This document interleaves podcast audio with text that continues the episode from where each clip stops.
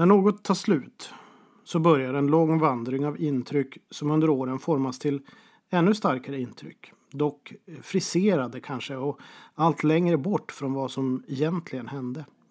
Och till slut när allt har lagt sig, mognat och förvanskats tillräckligt mycket så är vi framme vid nostalgi. Minnen vi sedan vårdar livet ut och som blir en del av oss själva. Vår egen historia, som vi vill minnas den. Nu är EM över. Låt oss ta det första steget genom minnenas allé.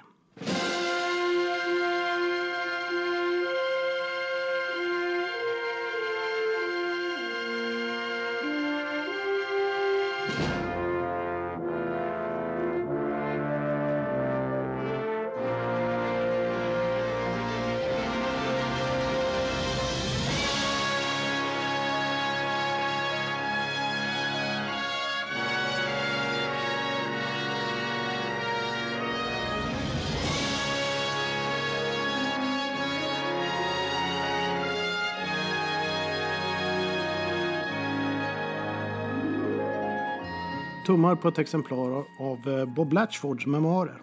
Bob Latchford, A Different Road heter den. Den är beställd direkt från klubben så jag fingrar på hans signatur. För den verkar nog vara äkta. Ingenting som är dittryckt. Den store centertanken i Birmingham, Everton och Swansea bland annat. Som för mig är en symbol för engelsk fotboll på 70-talet. En symbol för mitt eh, älskade Tipsextra. Minnen som format mitt liv så som jag formats av eh, VM 1982 och EM 1984. Latchford spräckte 30-målsvallen säsongen 77-78 och gjorde en hel del mål under EM-kvalet inför EM 1980. Men när det väl var dags för slutspel fanns där ingen plats för min gamla idol. Dålig form i klubblaget Everton gav petning i landslaget. Men för mig är han ett minne som blivit en myt som i sin tur värmer min själ och gör mig nostalgisk över min ungdom då jag satt som fastklistrad framför Tipsextra. Öppna boken. Jag skulle själv kunna fylla kapitelrubrikerna med innehåll. Kan det mesta om Latchfords historia, men eh, kanske finns det något som han själv kommer att beskriva och som sprider nytt ljus och ger mig nya perspektiv om fotbollen då och om Latch karriär. Kanske. Man vet aldrig plöjer biografi efter biografi om spelare från 60, 70, och 80-talen. Ibland når jag ny kunskap. Inte alltid om jag ska vara riktigt ärlig. Men jag kan inte sluta. Hunger efter att ta reda på något litet till, den är för stor. Lite som när jag var ung och läste Stefan Thulins söndagsartikel om veckans ligaomgång. Om och om igen. Som när jag beställde engelska och tyska fotbollstidningar till Pressbyrån i Boden. Ofta med flera veckors eftersläpning och Tyska kunde jag ju inte läsa överhuvudtaget egentligen. Eller när jag läste årets tipsbok till sidorna lossnade. Då, när internet inte fanns. Då, när informationen var så knapphändig om vad som hände på ön där borta med den förtrollade fotbollen, spelarna och stämningen. Då, när varje liten informationsbit hjälpte att bygga ett mödosamt pussel. Vilket man idag har full tillgång till. Det är redan färdiglagt. Hela tiden. Idag handlar det mer om att se skogen för alla träd. Nostalgin över Latchford hjälper mig att gå från post-EM eh, via en semester och återge mig in i den engelska fotbollens magiska värld. Säsongens första avspark i världens mest trollbindande liga närmar sig. Latchford, det får bli min brygga.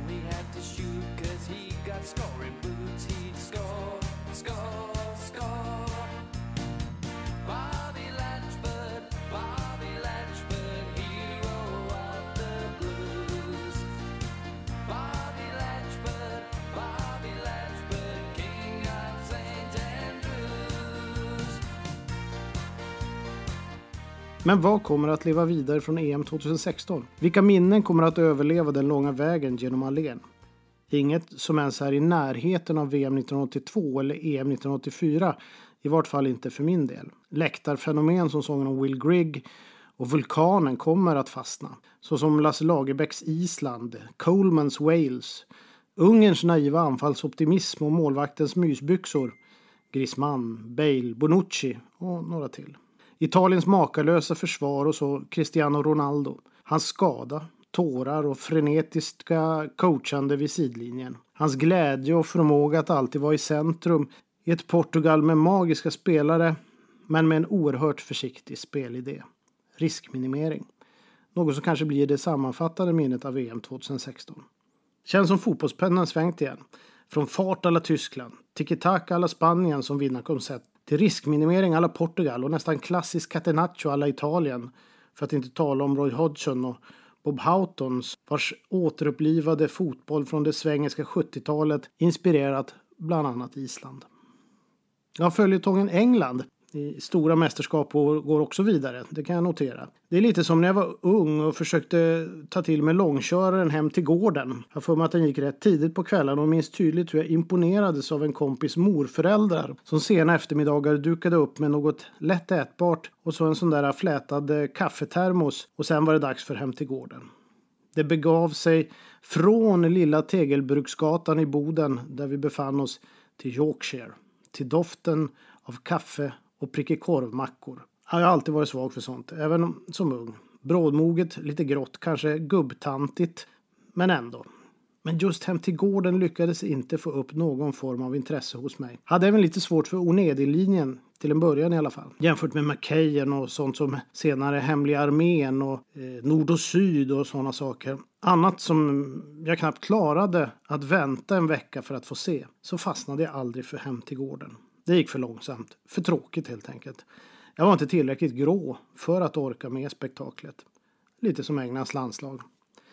Ända sedan slutet av 60-talet har de mest magiskt aggressiva vinnarskallarna bli blivit till små tama knähundar när de dragit på sig Three Lions tröja. Det är nästan som det har legat en passivitetens förbannelse över det hela. Denna gång trodde man nog på ungdomens hetta och entusiasm. Ungefär som när Wayne Rooney slog igenom i EM 2004 och som tonåring bar England till dess att han blev skadad i kvartsfinalen. Men icke.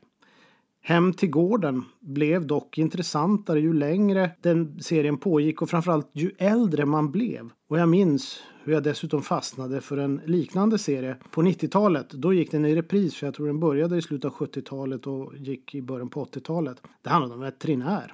Också i Yorkshire tror jag. Och det här ledde mig till att jag var nödd och tvungen att bege mig hem från viktiga föreläsningar vid ett-tiden på dagen under min tid i Uppsala på 90-talet. Knappast särskilt bra för studierna, men måste man så måste man. Som de mer gråa tv-serierna har växt i kraft och intresse över tid så kan man inte säga detsamma om Englands landslag. Där är det same old, same old. För så grå blir jag nog aldrig att jag kan uppskatta Englands passiva fotbollsagerande i stora turneringar efter 1966. Vi ska väl i, i ärlighetens namn erkänna att det har varit några turneringar där de har varit nära storhet, men ändå inte riktigt.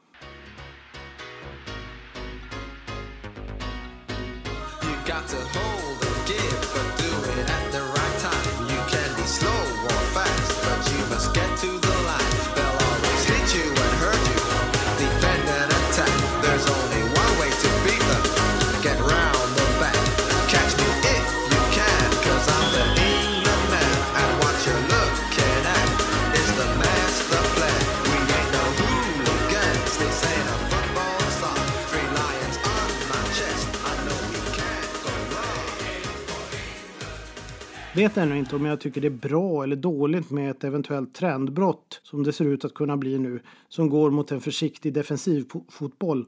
Men oron tilltar.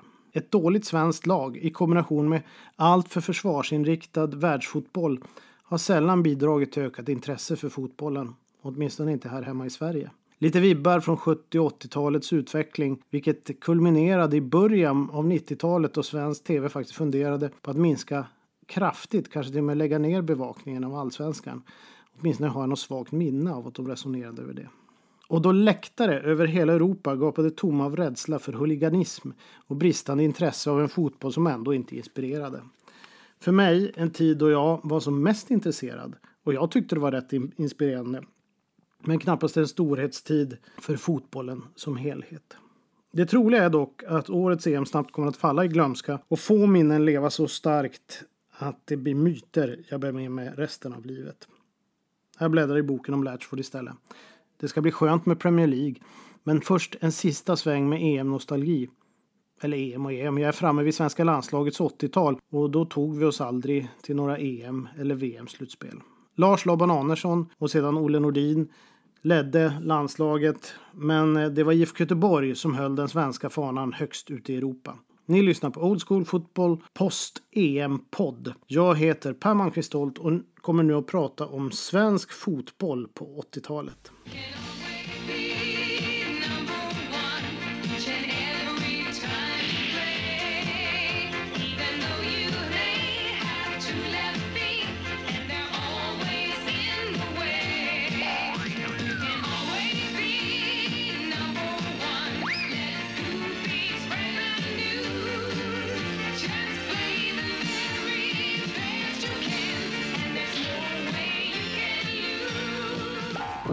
Kalla krigets svåraste period sades vara över redan i början av 60-talet. Men aldrig ska vi ha varit så nära ett nytt storkrig som just 1983. Under en period då Ronald Reagan rustade upp retoriskt och resursmässigt och i Kreml satt ålderstigna och hårdhudade ledare såsom Brezhnev, Andropov och Tjernenko. Glasnost var en bit borta när Lars Laban Arnesson tog över det svenska landslaget. Förbundets man med lång erfarenhet som exempelvis assisterande åt Georg Eriksson samt förgrundsfigur för den ena mer traditionellt svenska svenska fotbollens väg i en svensk fotbolls kalla krig under 70 och 80-talet. Man kan nog säga att det var så. Laban älskade tysk fotboll med libero, markeringsspel samt fart och teknik framåt. Precis som hans Öster 1978 och hur det sedan fortsatte i början på 80-talet. På andra sidan fanns engelsmän Roy Hodgson i Halmstad BK, Bob Houghton i Malmö FF med en svengelsk modell vars effekter vi nog kan se än idag hos lag som exempelvis Island. Tydliga roller, press på bollhållare, andra bollar, zoner, rak fyrbackslinje, långa snabba bollar upp i anfall och 4-4-2. Det här var en förbittrad kamp där Laban 1980 nog kände viss medvind ändå, men sannolikt var han fel man vid fel tidpunkt. Han tog Östers IF till SM-guld 1978 och nu dominerade faktiskt laget svensk fotboll med två raka SM-guld 1980-81. Men den svengelska varianten hade kommit för att stanna. Inget EM 1980 och inget VM 1982 blev det för Laban. Bland annat var vi chanslösa mot ett starkt Skottland som vann dessa förhatliga andra bollar. Ett uttryck som Laban hatade mer än något annat. Och eh, Bob Houghton och Roy Hodgson hade lämnat för nya äventyr i andra länder. Trots att Laban inte lyckades föra laget till VM 1982 så fanns hopp om framtiden. Han hade tagit över ett svenskt landslag med trötta spelare på väg ut till synes inga direkta nya förmågor var på väg in heller. Så det såg lite dystert ut faktiskt. Men något var på väg att hända. En kille från Värmland vid namn Sven-Göran Eriksson fick som ung och oprövad ta hand om storsatsande IFK Göteborg. Förutom en katastrofal inledning i början av 1982 så började stjärnorna få igång maskineriet. Och hur brukar man säga nu? Jo, de skulle aldrig titta bakåt.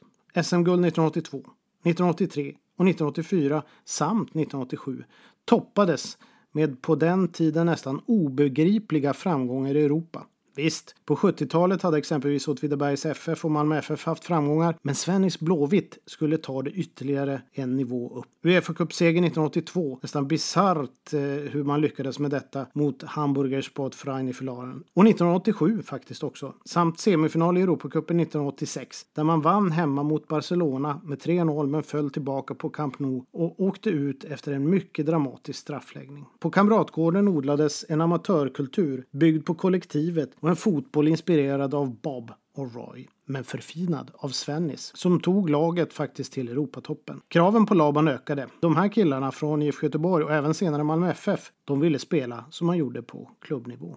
För där fanns spelare av för allsvenskan nästan overkligt hög kvalitet såsom Torbjörn Nilsson till exempel. I landslaget gick det sämre för, för Torbjörn Nilsson. Denna lirare var i behov av trygghet och struktur runt omkring sig. 80% struktur, 20% kreativitet. Då funkade det. Som i Blåvitt när han visste exakt vad spelarna runt honom skulle göra. För Laban och kanske också under hans misslyckade proffssessioner var, var det allt för mycket utlämnat åt en friare roll för alla spelare på plan. Vilket gjorde att Torbjörn Nilsson inte riktigt visste vad spelarna runt om honom skulle göra och var han skulle vara. Han visste inte vart bollarna skulle komma och så försvann han i matcherna och faktiskt även från landslaget och han i början av 80-talet bad Laban om att få ta en paus. Spelare kom och gick i Blåvitt under 80-talet, såväl som tränare, men det höll nivån och skulle så göra ända in på 90-talet. Malmö FF förde något undanskymd tillvaro i jämförelse med vann två SM-guld och var ett konstant topplag. Hade det inte varit för att man under 80-talet experimenterade med slutspel för att nå SM-guld eftersom populariteten var så låg för fotbollen då så hade det blivit fler bucklor för MFF. Men man fick fram massor med spännande spelare såväl under 80-talet som under 90-talet.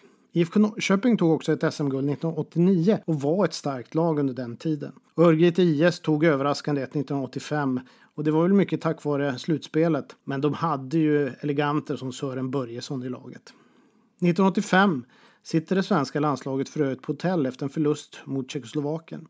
Det äter middag och lyssnar på Radiosporten. Förlusten mot tjeckerna svider inte jättemycket då Portugal måste slå Västtyskland för att ta Sveriges plats i VM i Mexiko. Då en princip otänkbar idé.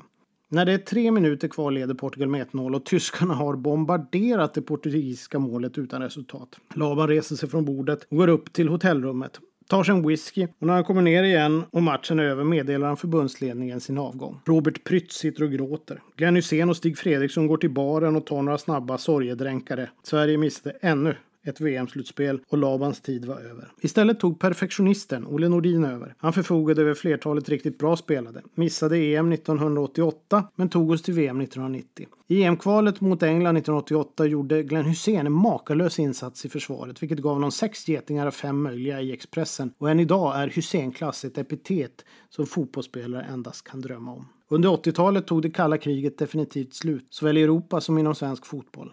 Olle Nordin satsade på ungdomar och en ny generation var på väg fram. Det fanns fog för optimism, åtminstone fotbollsmässigt. Palmemordet 1986 och den förändrade synen på folkhem-Sverige hade bidragit till ett annat Sverige. Laban var en nytänkare i en gammal samhällskontext. I den nya fanns ingen plats för honom. Den disciplinerade gamle landslagsspelaren och banktjänstemannen Olle Nordin passade bättre och idéerna togs ur den svengelska varianten som därmed kunde förklaras som vinnare i den svenska fotbollens kalla krig. Música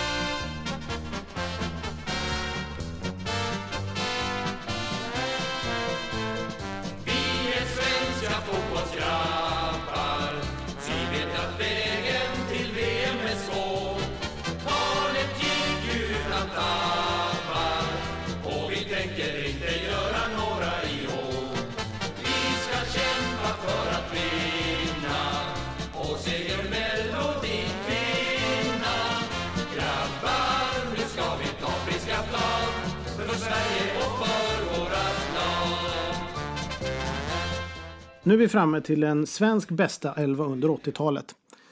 Givetvis blir det 4-4-2. Det är ju 80-talets signum. Även Laban fick anpassa sig rätt snabbt faktiskt. Kanske inte lika stjärnspäckad som 70-talets elva, men jag tycker nog att den är vassare än 60-talets. Nå, ni får själva bedöma. Och eh, det är ju så att eh, det finns säkert massor med synpunkter om spelare som skulle ha varit med eller inte varit med. Men här kommer den i alla fall.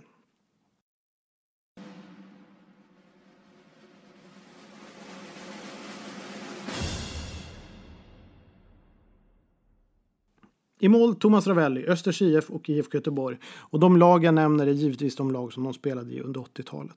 Obestridlige förstemålvakten under 80-talet. Thomas Wernersson, Janne Möller, Bernt Ljung var väl de främsta konkurrenterna genom åren. Fyrbackslinjen, högerback Ingmar Erlandsson, Malmö FF. Under första halvan av 80-talet var det vänsterbacken från Glimåkra som ledde det svenska landslaget som högerback, alltid gjuten under Labans tid och tar platsen i konkurrens med Roland Nilsson vars 90-tal nog faktiskt ändå var vassare. Mittback Glenn Hussein, IFK Göteborg, PSV Eindhoven, Fiorentina och Liverpool. Hussein-klass, jag säger bara det. Nyckelspelare i IFK Göteborg och landslaget, ja till och med i Liverpool. En av våra främsta mittbackar någonsin. Gjuten. Och bredvid honom Peter Larsson, Halmstad BK, IFK Göteborg och Ajax. I konkurrens med främst Sven Dala Dahlqvist tar Larsson platsen bredvid Hussein. Men det får mest ses som en komplimang till Dala faktiskt eftersom Larsson bildade med Hussein ett mittlås på världsklassnivå. Att Dala ens nämns i det sammanhanget gör att faktiskt Dala Dahlqvist skulle kunna ta en plats i, i någon av de andra 60 och 70-talsälvorna om man hade spelat där. Här är det helt enkelt för tufft. Jag minns faktiskt att Larsson och Hussein, tror jag, båda blev uttagna i ett världslag som skulle möta engelska ligan eller något sånt där under 80-talet. Det var lite skriverier om det faktiskt. Det här är alltså landslagets starkaste lagdel, mittförsvaret. Till vänster i försvaret Stig Fredriksson, Västerås SK och framförallt IFK Göteborg. Vänsterbacken som aldrig var dålig och en av de mer stabila i Blåvitts lagbygge. Mot slutet av 80-talet dök MFF-aren Roger Ljung upp men platsen går solklart till Fredriksson. På mittfältet fyra man. Och längst till höger Anders Limpar, Brommapojkarna, Örgryte IS, Young Boys och Cremonese. Alltså man kan säga Limpars 80-talskarriär, den ungdomliga. Det är en svår uttagning. Limpar är kanske en av våra främsta bollspelare någonsin, men det var lite fram och tillbaka i landslaget, så som i hans klubbar. Dessutom slog han väl egentligen främst igenom under den andra halvan av 80-talet. 90-talet eh, var väl hans allra bästa tid med Arsenal och eh, Everton med vilka han tog titlar. Men jag vill inte blunda för hans fenomenala förmågor. Och med detta försvar samt i övrigt slitstarkt mittfält måste jag ändå säga, tycker jag det behövs lite flärd. Främsta konkurrenter till Limpar eh, är många på en plats som an användes på lika många sätt under 80-talet. Ibland ville man vara offensiv och då var det väl kanske framförallt Hammarbys Ulf Eriksson som var där och excellerade. Eller defensivt då den naturliga mittbacken Andreas Ravelli kunde också användas där. Eller varför inte en Tord Holmgren från IFK Göteborg. Har även för mig att eh, mer spelfördelande nummer nio som eh, Stefan Pettersson har skickats ut på högerkanten. Och i mitten Robert Prytz, Malmö FF, Rangers Football Club, IFK Göteborg, Young Boys, Bayer Yrdingen, Atalanta och Hellas Verona. Bildade under större delen av 80-talet ett stabilt mitt-mittfält tillsammans med Glenn Strömberg. Prytz var mer en spelfördelare med ett bra skott och lite av en symbol faktiskt för den tiden. Och givetvis bredvid honom Glenn Strömberg, IFK Göteborg, Benfica och Atalanta. Löpstark innermittfältare som lyckas med konststycket att slå in sig i den på den tiden bästa ligan av alla, den italienska. Där man endast fick ha två utländska spelare, eller om det var tre efter ett tag. I, i alla fall i varje klubb.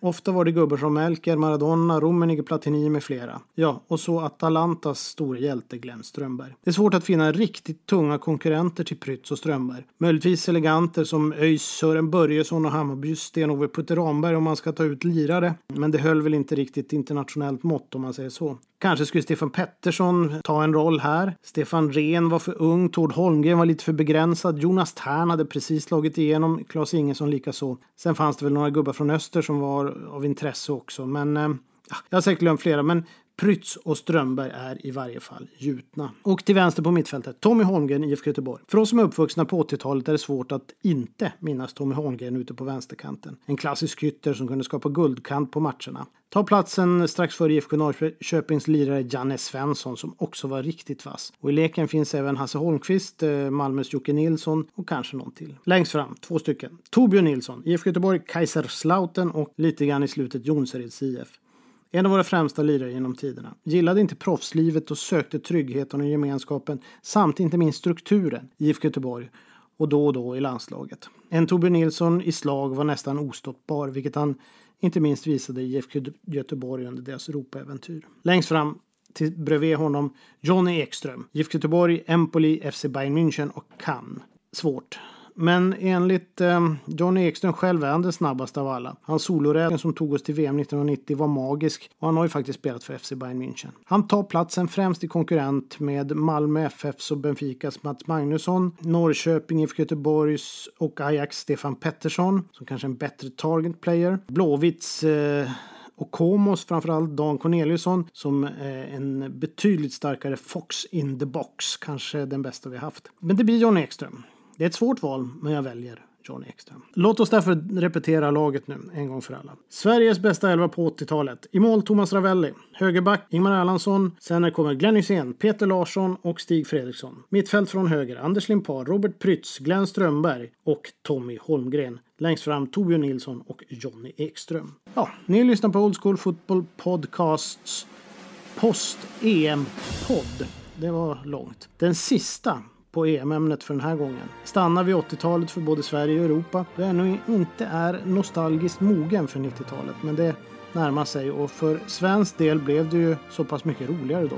Så det är någonting jag ser fram emot när fotbollen fick uppleva en ny historisk vår i Sverige. Old School Fotboll tar paus i dess att Premier League drar igång igen i augusti då vi åter med engelsk fotbollsnostalgi som vanligt, som vi vill minnas den. Nu är jag mig i kast med Bob Latchford. A different road, men ändå vägen som känns som där hemma. Skål på er och njut av semestern!